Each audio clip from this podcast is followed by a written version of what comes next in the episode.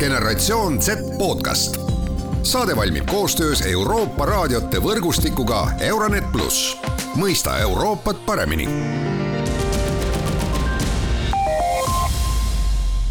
tere, head äh, Generation Z podcasti äh, kuulajad, mina saatejuht Mart Valner ja täna äh, räägime natukene naiste õiguste teemal. seda nimelt selle vaatepunkti pealt, et mis praegusel hetkel just maailmas toimub ja ka selle külje pealt, et mis viimasel ajal toimunud on, kuidas ja miks me üldse naiste õigustest räägime ja mis asi on see kurikuulus sooline lõhe või soo, ka natukene võib-olla sooline palgalõhe, gender gap ja nii edasi, millest me räägime, ehk siis Äh, miks naiste õigused on asi, millest siiamaani võideldakse, miks ei ole kuidagi see võrdõiguslikkus meie maailma äh, juba kohale jõudnud. mul on hea meel, et minuga on seda teemat avamas äh, Arengukoostöö ümarlaua tegevjuht Susanna Veevo. Susanna, kõigepealt tere päevast! tere päevast! mul on hea meel, et sa leidsid aega meiega kaugelt Ameerikast rääkida, kus sa, kui ma ei eksi, just nimelt sedasama ka naiste võrdõiguslikult osaliselt just uurimas oled ja just nimelt, kõigepealt ma tahangi öelda, et sa, sa tõid kohe nii palju teemasid lauale, et, et loodame, et me jõuame nende kõikideni, aga kui me kasvõi nagu natukene saame naiste, võib-olla natuke demokraatia, naiste kaasatuse poole vaadata, siis, siis meil on juba hästi läinud, et saame avada nii keerulist teemat mm. -hmm. nii, oota, mida sina praegu täpsemalt uurimas oled? Mida mina olen praegu uurimas siin teisel pool ookeani, on naiste ja sealjuures just vähemusnaiste kaasatus demokraatia protsessidesse, eelkõige see tähendab hetkel valimisprotsessi siin Ameerikas, kus vahevalimised on tulemas kuu aja pärast, aga pikemas plaanis üleüldiselt, kuidas naised on kaasatud ühiskondlikesse protsessidesse ja, ja kuidas see sõltub sellest, missuguses demograafilises grupis need naised on. et üleüldiselt trend on selline, et mida priviligeeritum sa oled, seda nii hariduse, rassi, sotsiaalse kindlustuse, kindlustatuse poole pealt, seda rohkem oled sa ka esindatud üleüldiselt poliitikas, juhtimises, ühiskonnas ja, ja mida vähem privileege sul on, seda vähem oled sa ka esindatud. et natukene selline nõiaring, et, et naised, kellel on vähem privileege, neil on väga keeruline sellest üleüldse välja tulla ja, ja, ja leida võimalusi, kuidas võtta ühiskonnaelust aktiivsemalt osa see on äh, väga aktuaalne probleem äh, ja, ja ma ei tea, kuidas äh, Ameerikas kindlasti on see, tundub võib-olla mulle isiklikult aktuaalsem kui meil Eestis, rääkides ka ikkagi praegu juba lähenevast demokraatia pidupäevast ehk siis järgmise aastaga kevadel toimuvatest valimistest. Oh.. ja ma ütleksin küll, et, et ütleme suuremates ühiskondades võib-olla ja mitmekesisemates ühiskondades on see üldjuhul suurem probleem, et meil Eestis üldjuhul naised on kõrgemalt haritumad, naised on aktiivsemad ühiskondlikult.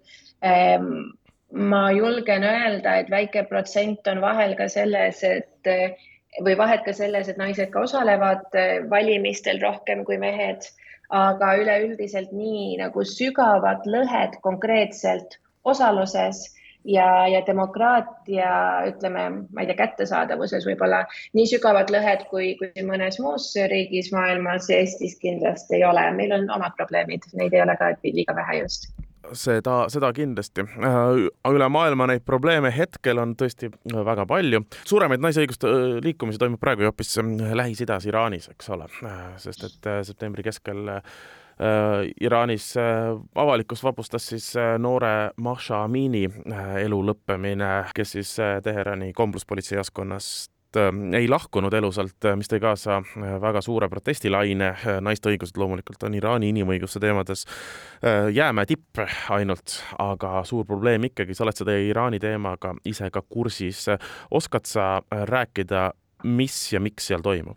Ja väga hea meelega räägin sellest, kuna üleüldiselt rahvusvahelises meedias ma ütleksin, et, et alatähtsustatakse neid arenguid, mida praegu Iraanis näeme ja ja ma arvan, et ka Eesti jaoks on oluline see, et me, et me mõistame, mis, missugused protsessid tegelikult suhteliselt lähedal meile on toimumas. kõigepealt, mida ma tahaksin rõhutada, on see, et, et Mahsa Amini, tema passinimi on Mahsa, aga tema tegelik nimi on Seen, mis on kurdi nimi ja, ja mis tema ütleme, juhtumi või kaasuse puhul oli niivõrd tähelepanuväärne, on see, et, et tegu on kurdi naisega.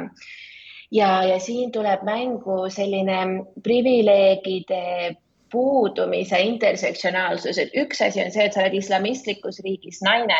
Teine asi, sa oled vähemusrahvus, keda, kelle elu ei peeta mitte millekski. Ja kui need kaks saavad omavahel kokku ja sul on jultumust näidata veel ühte juuksesalku oma, oma peakatte alt, siis see reaktsioon moraalipolitsei poolt ei olnud otseselt uus ja see ei olnud üllatav.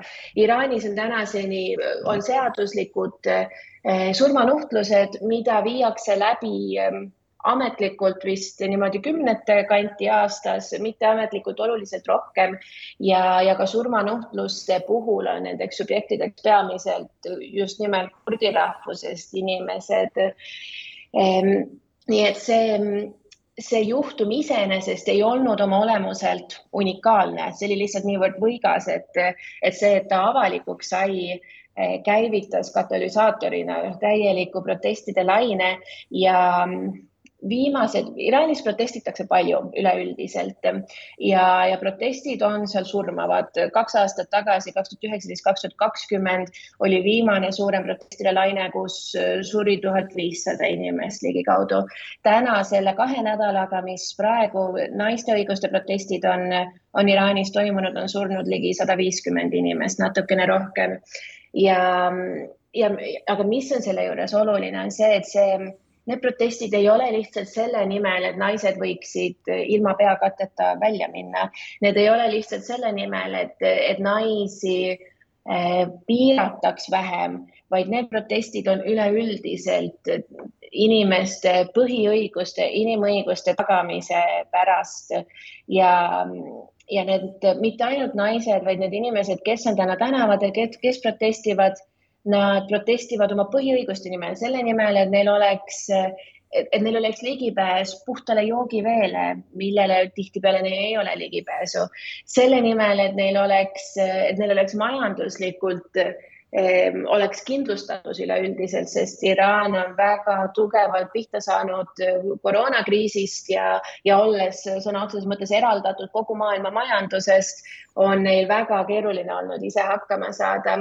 Eh, kuni lõpetades siis sellega, et need protestid on kogu praeguse režiimi vastu, kes ei, ei taga ligipääsu eh, nendele ressurssidele, mida inimesed väärikaks eluks vajavad ja, ja see algab, see algab ja lõpeb kõik naiste õiguste nimel võitlemisega, sellepärast et naiste õigusi ei saa lõppeks lahutada üleüldiselt inimõigustest. Ehm, minul kui inimesel, kes, kes jälgib väga lähedalt Iraanis toimuvaid arenguid, kes on ise mitmeid kuid Iraanis veetnud minu Iraani aktivistidest sõpradel, minu Euroopa, Ameerika aktivistidest sõpradel-tuttavatel. meil on üleüldiselt, meile paistab, et see, see protestide laine on teistsugune kui varem. ühest küljest eh, sellepärast, et, et me näeme väga vägivaldset vastuseisu mitte ainult siis moraalipolitsei poolt, vaid neil on neil on riigis põhimõtteliselt eraldatud tavapolitsei ja sõjaväepolitsei ja, ja nüüd me näeme sõjaväepolitsei sekkumist tänavatel lihtsalt enam-vähem tühja tulistamist, et, et ju keegi ikka pihta saab. nüüd sellest nädalast alates on, on toimunud tulistamised Sharifi ülikoolis, mis on oma prestiiži poolest sarnane Harvardi ülikoolile siin Ameerikas. Et see vastus, mis, mis tuleb praegu režiimi enda poolt, on niivõrd tugev, et sellel, nendel protestidel on võimalik, on see nagu mingisugune potentsiaal midagi päriselt muuta, see ei tähenda, et homme kukub Iraani režiim ümber, see ei tähenda, et, et homme läheb Iraani elu tagasi sellesse, mis ta oli kuuekümnendatel, seitsmekümnendatel. küll aga paistab, et sellised um, autoritaarsed režiimid üleüldiselt on murenemas vähemalt. Või, või et inimeste vastuseis on suurenemas, võttes arvesse kõiki pingeid, mis maailmas hetkel on, erinevaid konflikte, seejuures juba mitu aastat äh, koroonakriisi sees olemist ja, ja, ja sellega seoses nagu enda või inimeste Eh, vabaduste võib-olla vähenemist ühel või teisel põhjusel, et võttes seda kõike arvesse, paistab, et naiste õiguste vaatenurgast võime me näha mingisugust läbimurret praegu vähemalt Iraanis ja, ja ütleme vähemalt üleüldiselt eh, võib-olla islami konservatiivsetes ühiskondades. aga see, et seal naiste õiguste valdkonnas tuleb mingisugune läbimurre, ei tähenda ju seda või, või tähendab seda, et, et ühiskonnad üleüldiselt hakkavad muutuma demokraatlikumaks, me saame aru, et diktatuuririigid äh, või siis ebademokraatlikud riigid on ühe, mingil hetkel äh, vajaduse ees nii-öelda ventiil lahti keerata ja,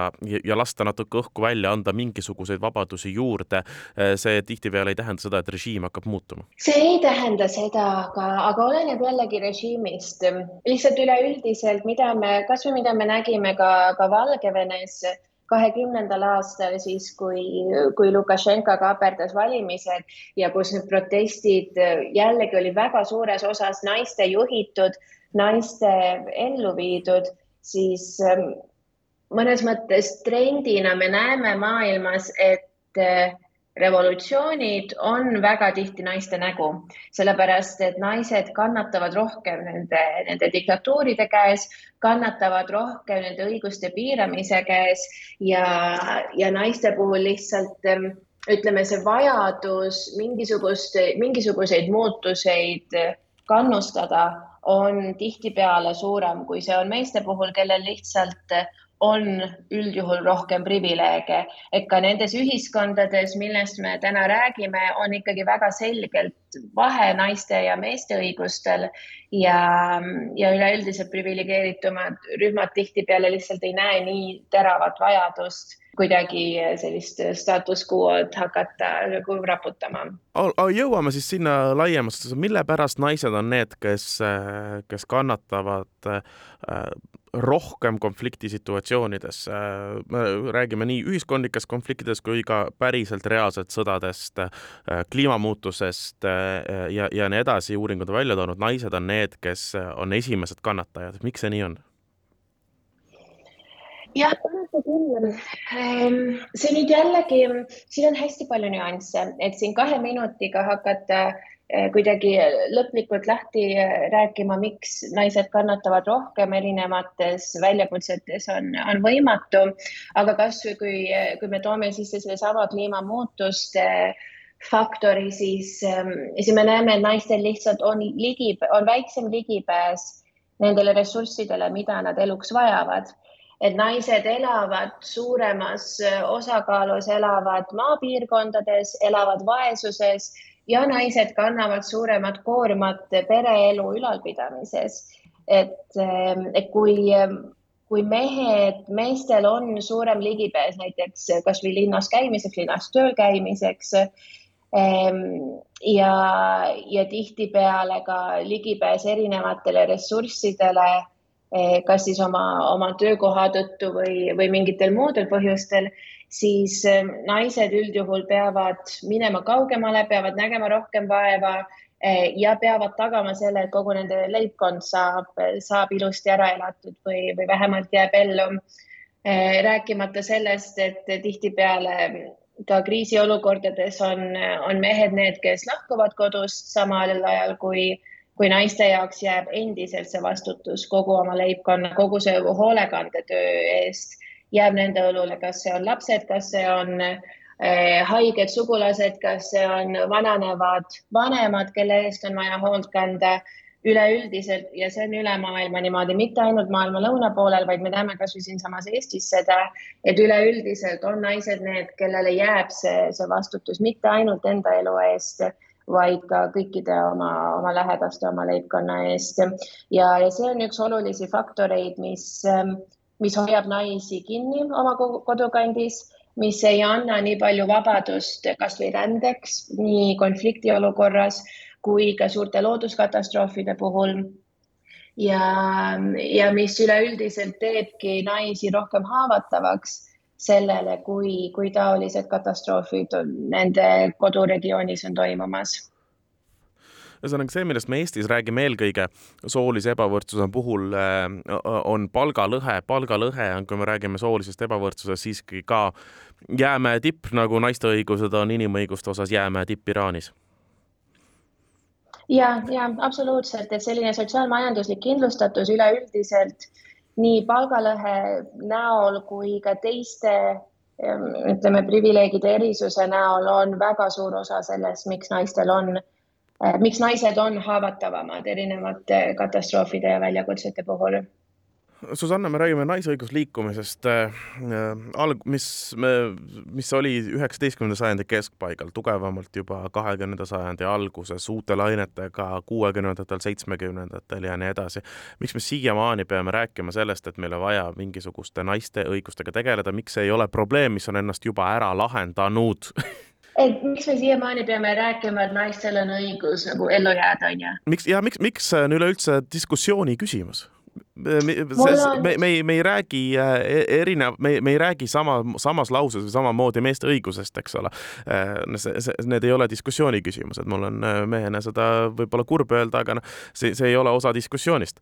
naiste õigused ei peaks olema osa diskussioonist, see peaks olema midagi, mis on ele-, elementaarne enesestmõistetav olen nõus ja see peaks olema midagi, mis peaks olema niivõrd läbi põimutud inimõigustega üleüldiselt, et, et, et ei peaks nagu pähe tulemagi, et naistel võiks olla vähem õigusi kui, kui meestel ehm,. aga paraku, mida me näeme, ma arvan, suures plaanis on see, et lihtsalt neid muutusi ei ole tahetud läbi viia ehm,.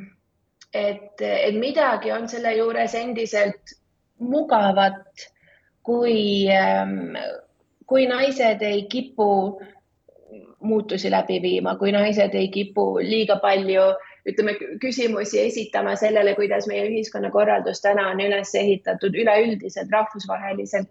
Eestis on täna selle võrra jällegi parem olukord, et meil on suurem ligipääs võimule naiste jaoks või suurem ligipääs juhtivatele kohtadele, aga isegi see ei ole täielik, isegi Eestis me näeme, et näiteks eraettevõtluses tippjuhtide hulgas võib naisi enam-vähem sõrmede peal kokku lugeda ja ja küsimus ei ole selles, et naised oleksid rumalamad või naistel ei oleks neid kogemusi või, või, või seda haridust. Eestis on naised kõrgemalt haritumad kui mehed, aga sellegipoolest ei ole me jõudnud selle muutuse juurde, kus, kus me oleksime päriselt võrdsed.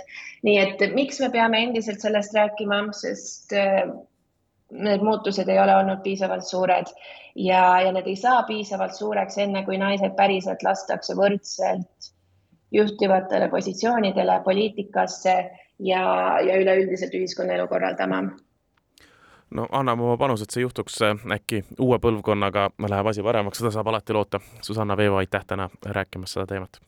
aitäh sulle. generatsioon Z podcast.